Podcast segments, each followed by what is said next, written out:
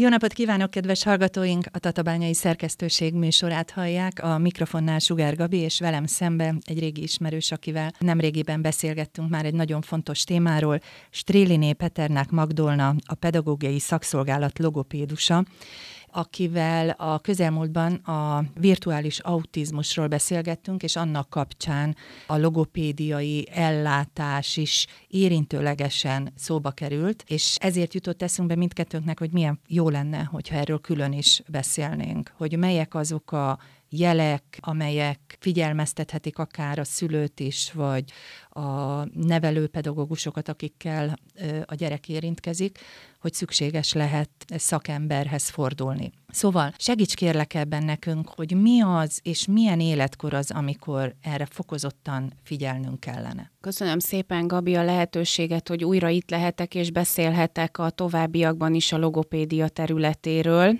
és köszöntöm a hallgatókat is. Legutóbb, amikor itt voltam, akkor egy nagyon súlyos problémáról beszéltünk, és nyilván uh, alig volt elegendő számunkra az idő. Igen, igen, a virtuális autizmus igen. egy nagyon komoly dolog most. Az is. Nagyon sokáig lehetne beszélni, és akkor egy kicsit ide mennék vissza, jó, mert hogy itt ugye az egészen pici életkorú gyerekektől indultunk, és reális is, hogy akkor innen folytassuk, és akkor életkorilag menjünk előre. Említettem az előző beszélgetésünk során is, hogy a logopédiai munkán munkának a hátterét, azt a rendelet, a közoktatási törvény, stb.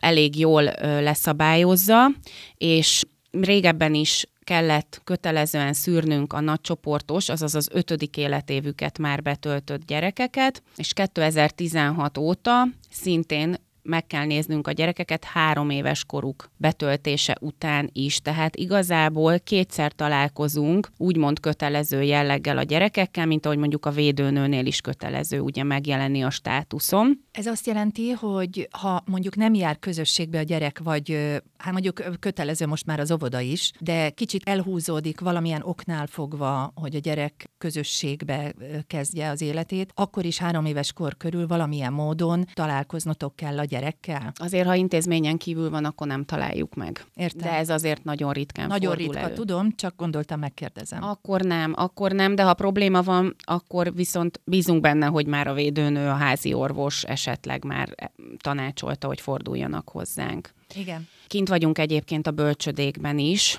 tehát az egyik kolléganőnk járja a bölcsödéket, és preventív jelleggel figyel már három éves kor alatt is. Ezt említettem a múltkor is, hogy néha ez a három éves kor is már elég késő illetve hogyha egy gyerek mondjuk március-áprilisban betölti a harmadik életévét, de ugye mi szeptemberben megyünk szűrésre, akkor már három és fél éves, mire mi találkozunk vele, úgyhogy ezért is vagyunk jelen a bölcsödékben. És hát nagyon sokszor jönnek védőnői jelzésre, házi orvosi jelzésre, vagy a szülő maga is érzi, hogy valami nincsen rendben, és önmaga jelentkezik. Tehát sok gyerekünk van három éves kor alatt is, nem feltétlenül csak mi találjuk meg őket az óvodában három éves kor után. Ez úgy történik, ez a szűrés egyébként, hogy kiosztunk egy kérdőívet. Három éves gyerekeket nem lehet személyes szituációban, mert úgyis megijednek, félnek, még az oviba sem, tehát valószínűleg akkor sem válaszol, hogyha folyékonyan beszél. Tehát igazából egy szülői kérdőívet kell kitölteni, ez egy elég alapos, informatív kérdőív egy logopédus számára, amikor kiértékeli, illetve mi kiegészítettük ezt a szűrést egy óvónői kérdőível is. Nagyon fontosnak tartjuk megkérdezni az óvónőket is, hogy ők mit gondolnak, és a kettőt együtt együtt Én nézzük. is azt gondolom, hogy ez egy rendkívül fontos dolog, hogy mind a két oldalról, mert szülőként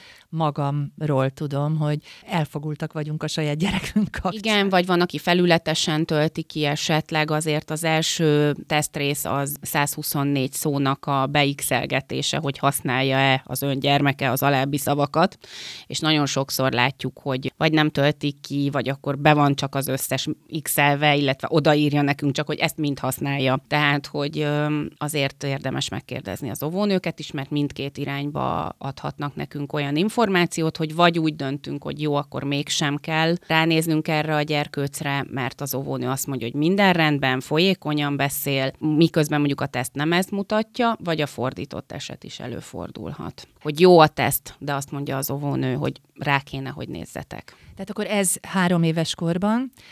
Mi a helyzet akkor, hogyha ha valamit kiszűrtök, és valami probléma adódik, illetve előtte kellett volna megkérdeznem, hogy milyen jellegű problémák adódhatnak három éves korban? Nagyon-nagyon jó kérdés, és köszönöm a kérdést, mert nagyon sokszor oda mutatnak óvónők, vagy akár a szülők, hogy hát sejpít, vagy nem pörög az er, vagy ilyesmi. Ez minket három éves korban nem érdekel, ez élettani. Ez nem probléma egy Milyen három fontos, évesnél. hogy ez elhangzik. Igen. Így van, tehát a három évesnél azt nézzük, hogy megfelelő szókincse van-e, elkezdett már mondatokat vagy mondatkezdeményeket, esetleg kétszavas mondatokat használni, ezt úgy hívjuk, hogy távirati stílus, anya, ott, vava, ilyesmiket mond-e már, tehát egész egyszerűen indult-e. És akkor, ha problémát jelez a teszt, akkor behívjuk a szülőt, egy alapos beszélgetés, ezt úgy is hívjuk, hogy anamnézis, tehát felvesszük az anamnézist, beszélgetünk, kikérdezzük a szülőt, nyilván célzott kérdéseink vannak, és így próbáljuk összerakni a képet, megfigyeljük közben a gyerkőcöt is, aki akár lehet együttműködő is, és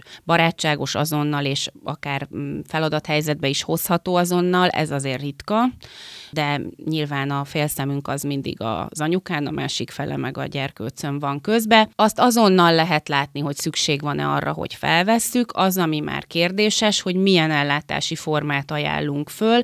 Néhány éve van már csoportos, mozgásfejlesztő, beszédindító foglalkozásunk, amit úgy hívunk, hogy kettős vezetésű óra, azaz két pedagógus van bent, egy logopédus és egy mozgásfejlesztő kollega, és ez a szülőkkel együtt zajlik. Ezt el lehet úgy képzelni, mint mondjuk egy ringató, vagy egy ilyen kerekítő foglalkozás, csak azért ezt mégis képzett gyógypedagógus szakemberi, szakemberek végzik ezt a foglalkozást. Ide jönnek a gyerekek, itt nyomon követhetjük a fejlődését, ha látjuk, hogy megindul, és mint a rakéta úgy megindul, akkor esetleg el is engedjük, és visszahívjuk egy fél év múlva, újra ránézünk. Tehát általában azért, aki bekerül, annak nem engedjük el már a kezét, és akár fél éven évenkénti kontrollokkal is újra-újra ránézünk, vagy jelezzük a szülőnek, hogyha úgy érzi, hogy valami gond van, esetleg megint stagnál, megakad a gyermek a beszédfejlődésben, akkor nyilván kérjük, hogy ő maga is jöjjön vissza azonnal. Akkor olyan is van, hogy ebben a csoportban azt látjuk, hogy akár egy tanév alatt sem mozdult semmit a gyerek, vagy fél év alatt nem mozdul semmit. Látjuk, hogy nem igazán tud bekapcsolódni, nem indul el a beszéd, nem indul el a kooperáció, az együttműködés Ilyenkor elkezdünk gondolkodni, ezt legutóbb is érintettük, hogy esetleg küldjük a szakértői bizottság elé. Nyilván egyéb jeleket is nézünk, tehát azért mi rengeteg mindent összerakunk. Elképzelhető, egy, hogy ott valami más is hát, van. hogy ott egy komoly akadás van, igen, és akkor ez a gyerek azt igényli, hogy egyéni fejlesztésben, és nem csak heti egy alkalommal kapjon ellátást, mert sajnos ennyire van kapacitásunk, vagy akkor egyéni alkalommal, tehát a sajátos nevelési igényt, hogyha a szakértői bizottságtól megkapja, akkor jogosult arra, hogy egyéni órában kettő, három, négy órát is kapjon egy héten, ami csak ő róla szól. De ezt úgy tudnám mondani közérthetően, hogy a szakszolgálat az ilyen átlag problémákra van. Tehát amit meg tudunk ott oldani, csoportos, kiscsoportos kereteken belül, akár egyénileg is, tehát akinek szükséges egyéni, de ez általában heti egy, ennyi fér bele a kapacitásba. Megpróbáljuk inkább azt a szemléletet követni, hogy egy alkalmat mindenki kapjon, mint hogy a gyerkőcök fele kapjon heti kettőt, a másik fele pedig be sem kerülhet. Így próbáljuk megoldani, hogy a fókuszunkban maradjanak. Egy nagyon fontos dolgot említettél az imént, és a logopédia kapcsán én szerintem az átlagembernek az jut eszébe, hogy valamiféle beszéd hibája van a gyerkőcnek, nem tudja rendesen kifejezni, kifejezni vagyis ki, kiejteni a szavakat. Viszont említetted a szókincs kérdést is, ami nagyon érdekes és fontos, hogy, hogy például a szókincs tekintetében, ezt tudom magamról, hogy akkor, amikor keveset beszélt nálunk, késői beszédfejlődés volt a kisebbik gyerkőcnél, két éves korában tökéletesen megértettük mi, hogy mit akar a gyerek, de hát nyilván azért, mert szülőként ezt, ezt tudtuk, de egyébként nagyon-nagyon kevés szó volt az, amit... Aktív szókincsébe benne volt. Igen, amit ki tudott ejteni, ki tudott mondani, és azt is a maga módján próbálta. Szóval, hogy ez, ez hogy néz ki, mi az, amire ilyenkor nekünk is figyelnünk kell, mert hogy abszolút el elvakul, még egyszer mondom, a szülő abban, hogy megérti, hogy mit akar a gyerek, sokszor szavak nélkül is. Igen, most nagyon sok minden jutott közben nekem az eszembe, de akkor a szókincsre reagálva először, az elvárt, ez a klasszikus, amit mi elvárunk, hogy kettő éves korban egy 50 szóval kommunikáljon, egy kettő éves korban 50 szava legyen. Az már nagyon jó, hogyha ezeket az előbb említett távirati stílusban már esetleg összekapcsolgatja, lehet látni, hogy indul, E, igen, és akkor az jut eszembe, ez az 50 szó, mert hogy Igen. én is azt gondoltam, hogy persze 50 szó van, csak hogy az a maga halandzsa nyelvén volt. Lehet halandzsa nyelv is, de például szónak számít az is, ha a kutyára azt mondja, hogy vava, akkor azt azért elfogadjuk szónak. Értem. Jó, ez Igen. fontos. Az a lényeg, hogy megnevezi Értem. azt az adott dolgot. Igen, tehát egy 50 szóval kommunikáljon. Nagyon-nagyon sokszor találkozunk három-három és fél éves korban nulla, vagy akár két-három szóval kommunikáló gyerkőccel. Igen, igen. Hát most leesett az állam. igen. lá- Nem látják, de Nem látják a hallgatók, most te látod. Igen. Ú, és, és akkor találkoztok adott Igen. esetben először a gyerekkel? Igen. És van is olyan, hogy ez az, amit legutóbb is említettem, hogy esetleg kapott olyan tanácsot, hogy jaj, így volt a szomszéd kisfiú is, meg a harmadunoka tesó is így beszélt régen, és utána Ó. beindult, tehát, hogy nem szabad eddig várni. Ez is nagyon fontos, amit mondasz, tehát ez a családon belüli bölcselkedések, hogy persze adjál neki zsíros kenyeret, az mindent megold, vagy várjál, mert így volt a nem tudom én ki is, szóval, hogy ezek, ezekre nem... Igen, és van még egy másik jó. klasszikus, ami egyébként hívjuk úgy most jó, hogy egy féligasság, hogyha bekerül az óvodába, vagy a bölcsödébe, vagy a közösségbe, akkor el fog indulni. Igen, tehát ez optimális esetben így is van, de nem mindig vagyunk optimális esetben. Tehát, hogyha egy igazi késésről, nyelvi késésről beszélünk, nem csak egy kis időbeli csúszásról, akkor nem indítja meg a közösség sem. Ez is például egy kötelező kérdésünk az előbb említett anamnézis felvétele során, hogy jár-e közösségbe, mióta jár, amikor bekerült, hány szóval kommunikált, most ez hogy bővült, mit észlelnek, ott van már fél éve, semmit nem bővült, az nagyon-nagyon figyelemfelhívó. Hogyha megcsúszik a szülő azzal, hogy felkeressen benneteket, vagy kicsit késve, mint ahogy említetted, mondjuk három-három és fél éves gyerekeknél, akik egy-két szót használnak csak. Mekkora az a lemaradás, ami ilyenkor képződik? Kifejezhető-e, vagy, vagy gondolom, hogy rendkívül komoly, intenzív munkát kell akkor Nagyon. gyerekkel Igen. elindítani annak érdekében, hogy valamilyen szinten behozza magát. Szóval, hogy ez a lemaradás milyen mértékű, és mikor hozható be? Ez egy Behozható nagy mértékű lemaradás. Nem lehet, soha nem lehet általánosságokat, meg törvényszerűségeket megfogalmazni, de azért, ahol három éves, három, három, három és fél éves korig nem indult meg a spontán utánzás, beszédfejlődés, szókincsbővülés, ott azért baj van. Tehát ott azért lehet arra számítani, hogyha elindulunk is, és nem lesznek nagyon hosszas, stagnáló időszakok is, akkor is ez megy végig az iskolában. Tehát, általános iskoláról beszélünk. Igen, igen. Igen, tehát ott fel lehet készülni mindenféle tanulási nehézségekre. Tehát azért ez egy akkora hátrány, de nagyon-nagyon eltérő az, hogy milyen, hogyan reagálnak a fejlesztésre, mikor indulnak el.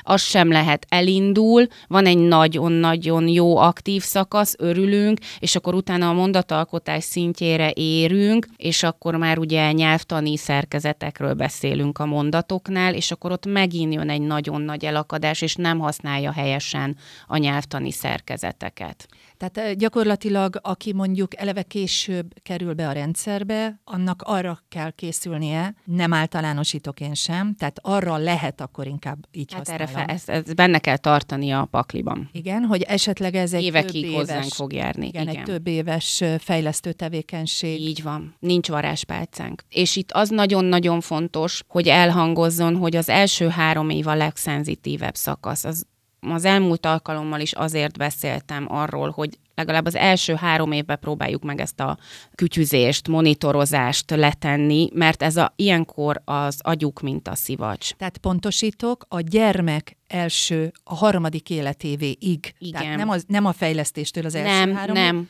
A gyermek Igen, harmadik életévéig Igen. tartó időszak. Igen, az egy nagyon-nagyon szenzitív szakasz, ott nagyon-nagyon szivacs az agyuk, mindent, hatalmas. Soha még egyszer ilyen nem lesz az agyunk, mint akkor. Tehát akár egy, nyelv, egy idegen nyelvet, ha belegondolunk, hogy mennyi idő megtanulni.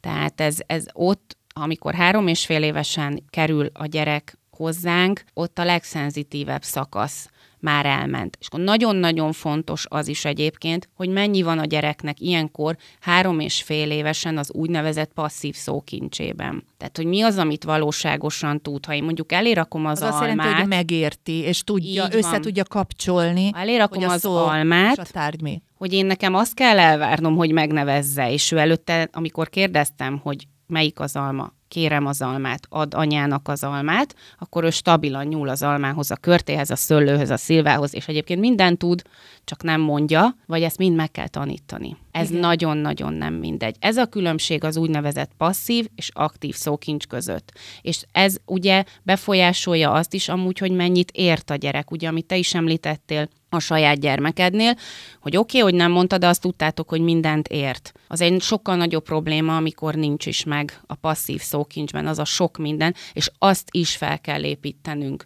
Na azt egyébként már nem tudjuk mi magunk felépíteni. Tehát, Igen, mert az egy bonyolultabb hát dolog. ö, ahhoz azért 24 órába kéne együtt lennünk. Hú, tehát akkor nagyon belemerültünk. Tehát van egy három éves, meg van egy öt éves szűrő, ahol figyelitek akkor ezeket a készségeket, képességeket a gyereknél, pedagógussal, szülővel, konzultálva, egyeztetve kialakul egy kép a gyerek abéli állapotáról, és annak függvényében indul el egyfajta fejlesztés, és azt is elmondtad, elhangzott, hogy vannak ugyan csoportos fejlesztések is már, ami szerintem nagyon jó, mert az is segítheti a gyerekeket. És tehát a mozgás nagyon kell ilyenkor. Mozgás, Ezt igen. Szoktuk mondani, ugye, hogy a mozgás ilyen, mm, ez is megint ilyen köznyelvileg, hogy te alám dolgozol a mozgással. Tehát ott, a, ott mélyebb ö, szintek vannak. A beszéd az egy, az ugye már jobban köthető az ilyen egyéb kognitív funkciókhoz. Az egy magasabb szintű művelet, így mondom, mint a mozgás, de ugye a mozgásnak a különböző fokozatai, az összehangoltsága, volt már itt előttem a Szántó Mónika kolléganőnk, aki beszélt a mozgásról, úgyhogy azért őt is meg lehet találni ezzel kapcsolatban. Az Rendkívül interneten. fontos a mozgásterápia. Igen, tehát hogy sosincs olyan, hogy én csak úgy indulok el egy beszédfejlesztéssel, mint logopédus, hogy nem kérem egy mozgásfejlesztő kollégának a, az aktív együttműködését, illetve nem javasoljuk a mozgást, mindig javaslunk mozgásfejlődést. Ez nem maradhat ki. Tehát akkor elindul egyfajta terápia, egy akár a gyerek állapotától függ, hogy az milyen sokáig tart, és akkor együtt dolgoztok a Igen. gyerekkel. Igen. És hát bármi egyéb, amit látunk még, akkor bevonunk bármilyen egyéb szakember. Tehát itt azért általában team munka zajlik. Én nagyon szeretném, hogyha abban is segítenél, hogy három éves korig mi szülők hogyan tudjuk megkönnyíteni a gyerek számára azt, hogy ez a fajta kommunikáció, illetve a beszédindítás gördülékenyebben, könnyebben menjen. Itt elkülönítenék azért nagyon kisarkítva két csoportot. Az egyik az az, ahol igenis a környezeti dolgok a felelősek azért, mert nem indult el a beszéd, és amikor igazi, echte logopédiai esetről beszélünk, akkor a gyermek jól hall, épp az értelme, az anyuka kiválóan mondókázik, beszél folyamatosan, minden, mi, mesél, minden megvan körülötte, és van ilyen, hogy a gyerek így sem indul el. Ő, én úgy szoktam mondani, hogy na ő az igazi mi esetünk, amikor nem tudjuk, hogy mi miatt van. Tehát van olyan, hogy mindent megtesz egy anya, és nem indul a beszéd, és olyankor tényleg kell a szakember. Nagyon sokszor a másik csoportnál, amit a múltkor azért azt gondolom, hogy elég jól átvettük, hogy a valódi, ugye mondatomnál, amit mondtad, próbálom máshogy mondani, tehát a közös tevékenység, amit élő beszéddel kísérünk, akció, reakció, válaszolok, kérdezek, kapom a választ, láthatja az arcom, látja a mimikámat, tehát ezek ugye azok, amiket kilövünk azzal a nagyon sok eszköz használattal. Tehát ez az, ami a virtuális autizmushoz is vezet. Igen, de nem muszáj eljutni ugye odáig, az is lehet, hogy csak szimplán késik emiatt a beszéd. Tehát nem kell feltétlenül az, amit említettünk a virtuális autizmus kapcsán, az egy nagyon súlyos probléma. Akkor ugye ott mondtam, hogy ugye ott már a szociális Igen. interakció is, a szociális kapcsolódás is sérül Ezért a nyelvi. is kapcsolják az autizmushoz, mert ott az Így a... van. Hát meg az autizmusban is ugye a nyelvnek Igen. a késése szintén tünet. Tehát azért nem mindig van az, hogy, hogy nem tesz meg mindent a szülő. Igenis van, amikor mindent megtesz a szülő, és tényleg késik a beszéd. És az a mindent megtesz, ezt már érintetted is, tehát hogy mennyire fontos az első három évben például a... Hát a folyamatos kommunikáció, a mondókázás, akkor ilyeneket szoktunk tanácsolni, hogy az öltöztetés, mindennapi tevékenységekhez. Öltöztetés, fürdetés, etetés, sétálunk, sétálunk, egy kis dombra lecsücsülünk, bármi, amit csinálunk, azt folyamatosan lehet ilyen kis ritmikus mondókákkal kísérni, nagyon-nagyon jók a kis egyszerű dalok, cirmos cica haj, hová lett a vaj. Tehát ez megint az, hogy életkori szinten megfelelő tartalmat biztosítunk, de azt nem a telefon és az eszközök adják, hanem a szülők, a hát nagyszülők, igen, Nem baj, ha folyamatosan együtt, beszélünk. Folyamatosan beszélünk, igen. Tehát egy közös játéktevékenység, egy duplózás, egy építőkockázás, ott is folyamatosan beszélünk hozzá. Tehát az élő szó az nagyon-nagyon fontos. A szülők ezeket, hogyha most így megbeszéltük, nem tudom, hogy van-e még valami, amit tudsz esetleg tanácsolni ezen kívül a szülőknek. Mindennapos mese. Igen, ez is A mindennapos mese. Azt nagyon-nagyon ajánlom, és minden logopédus, és minden szakember, és minden pedagógus ajánlja. És, és nagyon nem fontos, képernyőn. nem így van. Pontosan, már tudod, hogy miket, miket mondok, hogy nagyon fontos azt elkülöníteni, hogy az a mese, amit olvasok, és valamennyi kép lehet idővel, nyilván csökken a képeknek a száma, meg az a mese, amit készen kap a tévében, az nagyon-nagyon nem ugyanaz a mese. Ez is egyébként az anamnézis felvételénél egy klasszikus kérdésünk, hogy mi újság a mesével, milyen gyakori, és szoktuk azt válasznak kapni, hogy hát nézi, igen, szereti nézni. Jaj. Akkor mi már kaptunk választ. Értem. Tehát, hogy a mindennapos meseolvasás a megfelelő életkori szinten az nagyon-nagyon fontos. Az az egyik legfontosabb. És szerintem azért is, és ezt is azt hiszem, hogy mondtad a múltkori ö, beszélgetésünk kapcsán is, hogy azért is, mert amikor mesélünk, és ahogy mesélünk, hogyha gyereknek bármilyen gondolata, észrevétele van a témával kapcsolatban, akkor meg tudja tenni, és ott mindjárt meg lehet beszélni az adott szituációt, és nem maradnak benne kérdések, nem hagyjuk egyedül az adott Hát és a fantázia, tehát a képalkotás, minden, amit elképzel, igen. És hát itt egy nagyon fontos dolog, és erről még szeretnék, hogyha így a logopédiáról beszélünk, és ez most már így kicsit átkapcsolva egy másik életkorra, és egy másik problémakörre, az itt a mese kapcsán, hogy a beszéd értését is fejlesztjük a mesével.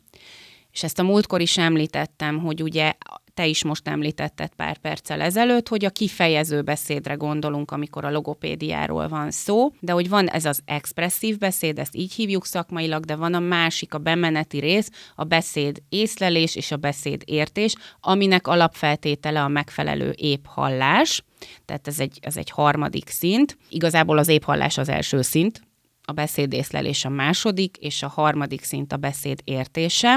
Ezekről egy picit beszélnék, hogyha belefér majd Igen. még az időnkbe. És hát itt ezt mindenképpen fejleszti a szülő a mindennapos mese hallgatásával, a mese olvasással minden nap, és ez az a másik terület, ami nagyon-nagyon kimarad akkor, amikor túl sok idő, mikor túlsúlyban vannak a képernyőzések. Igen, mit szerettél volna még elmondani ennek kapcsán? Még egy pár percünk Hát igazából arról szeretnék akkor pár szót mondani, hogy mi is ez a beszédészlelés és beszédértés, és hogy milyen tünetei vannak ennek, hogy mit vehet észre a szülő, hogyha Igen, ezzel ez van, mert hogy a beszéd észlelés és értészavara az létezik megfelelő tiszta artikuláció mellett is. És úgy is létezhet egyébként, hogy a gyereknek van egy alapvetően jó szókincse, egy jó verbalitása, szeret is beszélni, tehát hogy úgy minden úgy tűnik, hogy rendben van, ami beszéd, de vannak felhívó jelek. Picit még annyit szeretnék elmondani a beszédészleléssel kapcsolatban, hogy értsük, hogy mi az a beszédészlelés. Az, hogy a gyerek a hangokat, a hangsorokat, a hangkapcsolatokat, ezek ugye a szavak, jól észleli, és jól is tudja visszaadni. Ezek már megjelenhetnek ezek a nem jól visszaadott szavak, például a kép helyett azt mondom, hogy pék, de ha van egy olyan szó, hogy súlyemelő, ami mondjuk már több szótagból áll, akkor sumlemenő, vagy beszoktuk dobni ilyenkor a tevekaravánt, tevekavarán, bármiféléket tudnak rá mondani, de akár még egy margaréta csokorra is mondhatnak teljesen más szót. Tehát ez jelenti azt, hogy helyesen mennek be a hangok sorrendileg, és nem csak helyesen ment be, de vissza is tudom adni. Igen. Ezt úgy tudjuk még elmagyarázni, hogy így tanuljuk az idegen nyelvet is. Minden idegen nyelvet így tanulunk. Leges-legelőször, amikor leülök egy szót megtanulni, én olasz tanultam, imádom, mikor bevertem a fejembe azt, hogy laspire polvere, azt a szót, semmit nem tudtam, hogy mit jelent, külön meg kellett tanulnom kiejteni körülbelül, Világos. De ez a beszéd észlelés, és Igen. az, hogy utána jól adom vissza. Tehát például az idegen nyelv elsajátítással nagyon nagy bajok lehetnek, hogyha nincsen rendben a beszéd észlelés. Jó, és akkor nyilván a beszéd észlelésre épül rá a beszéd értés. Mind a kettőnek alapfeltétele, hogy épp legyen a hallás. Tehát amit említettél, ez a halandzsa beszéd például, vagy amiket most említettem, a súlyemelő, sumlemenő, tehát ezek már felhívó jelek. Az is lehet, hogy nagyon-nagyon nehezen tanul meg például egy verset nehezen megy. Én nagyon sokszor megszoktam beszélni az óvónőkkel, hogy hogy tanítottak meg 15-20 éve egy anyák napi műsort, meg hogy tanítottak be. És most. És hogy megy ez ma. Kell ilyenről beszélgetni az óvónőkkel, fognak mindenféléket mesélni. Tehát akkor az is lehet, hogy mondjuk nem ad adekvát válaszokat, nem ad megfelelő válaszokat a kérdéseinkre. Azt gondolhatjuk elsőre, hogy nem figyel, de nem nem figyel, hanem a beszéd észlelésével, értésével van a gond. Nekem tegnap pont volt egy ilyen értésfejlesztő órám, egy kis mesét olvastam egy kislánynak, megkérdeztem, hogy kinek akarták készíteni az ajándékot, és azt válaszolta, hogy kagylós dobozt. Mert hogy az ajándék a kagylós doboz volt, de én azt kérdeztem, hogy kinek, kinek. Igen, az másról szólt. Tehát, kérdés. hogy amikor ilyen nem, nem, azt gondoljuk, hogy azért nem válaszolt, jó, meg nem, nem figyelsz rám, nem azért nem válaszolt, ez a beszédértésnek a problémája. Tehát ilyenekre lehet. Gyakran visszakérdeznek, az is jellemző, hogy nem köti le úgy a mese, egyébként ugye sajnos nincs is mondjuk hozzászoktatva a könyvből való meséléshez, hogyha nem társul hozzá kép vagy ha nem kísérjük valamilyen mozgással. Tehát maga a csak önmagában a verbális, auditív, azaz szóbeli információ, az nem köti le a figyelmét, nem maradott, mert nagyon hamar elveszti a fonalat, és ezért is lép ki a helyzetből. Itt megint arra gondolunk, hogy esetleg figyelmetlen. Tehát ez nem ezért van. Jó, nem tud egy hosszabb mondatot már pontosan vissza mondani. Ez megint például tegnapi órám, szintén másik ilyen értésfejlesztő óra, illetve észlelés, hogy bővülős mondatokat mondunk, és akkor elmondom, hogy a nyuszi nagyon szépen felöltözött, amikor dolgozni ment. És akkor az első felét még visszamondja, utána már elmondja, hogy amikor munkába ment. Vagy ilyesmi. Tehát, hogy borzasztó nehéz egy ilyen hét szóból álló, mondatot felépített vissza. mondatot, hogy ne cseréljék meg a sorrendet, és ez nem mindegy. E fölött erről ne menjen el a fókusz, figyelem. a figyelem, ez baj. Tehát, hogy ja, igen, azt mondja, hogy elment dolgozni, de közben azt mondtam, hogy munkába megy. Az nem ugyanaz. Ez nem ugyanez. És hát nyilván nem kell mondani, hogy ez a későbbiekben hogy befolyásol egy tanulási teljesítményt. Abszolút. Jó, tehát a beszéd észlelés és értés zavaraira ezek az utalójelek, és ezeket vegyük nagyon-nagyon komolyan. Nagyon fontos, hogyha ha észlel valamit a szülő, hallja ezt az adást például, és azt mondja, hogy felismeri, hogy jaj, itthon én ezt tapasztalom, beszél mondjuk az óvónővel is, és valamiféle megerősítést kap, akkor merre fele induljon? Van erre egy vizsgálat, úgy hívják, hogy GOH és GMP vizsgálat, ezt mi nagyon nagyba csináljuk bent, úgy csináljuk mindig, hogy a szülőt be is hívjuk, mert akkor utána nem csak kimegyek és elmondom, hogy én ezt meg ezt meg ezt láttam, és ezt meg ezt állapítottam meg, hanem bent van. Nagyon sokszor, na azt nem mondom, hogy sokkolja a szülőket, de nagyon sokszor ledöbbennek, amit ott ö, konkrétan hallanak élőben a vizsgálat során, egy ilyen GMP vizsgálat során. És akkor mondjuk ki, hogy ez hogy, mi, ennek mi a menete, hogyan működik. Tehát szülőként elmegyek a Kodálytéri Pedagógiai Szakszolgálathoz, vagy telefonon kell bejelentkezni. Akár úgy is, tehát ez megint a jelentkezés módja az mindig ugyanaz, tehát önállóan is lehet jönni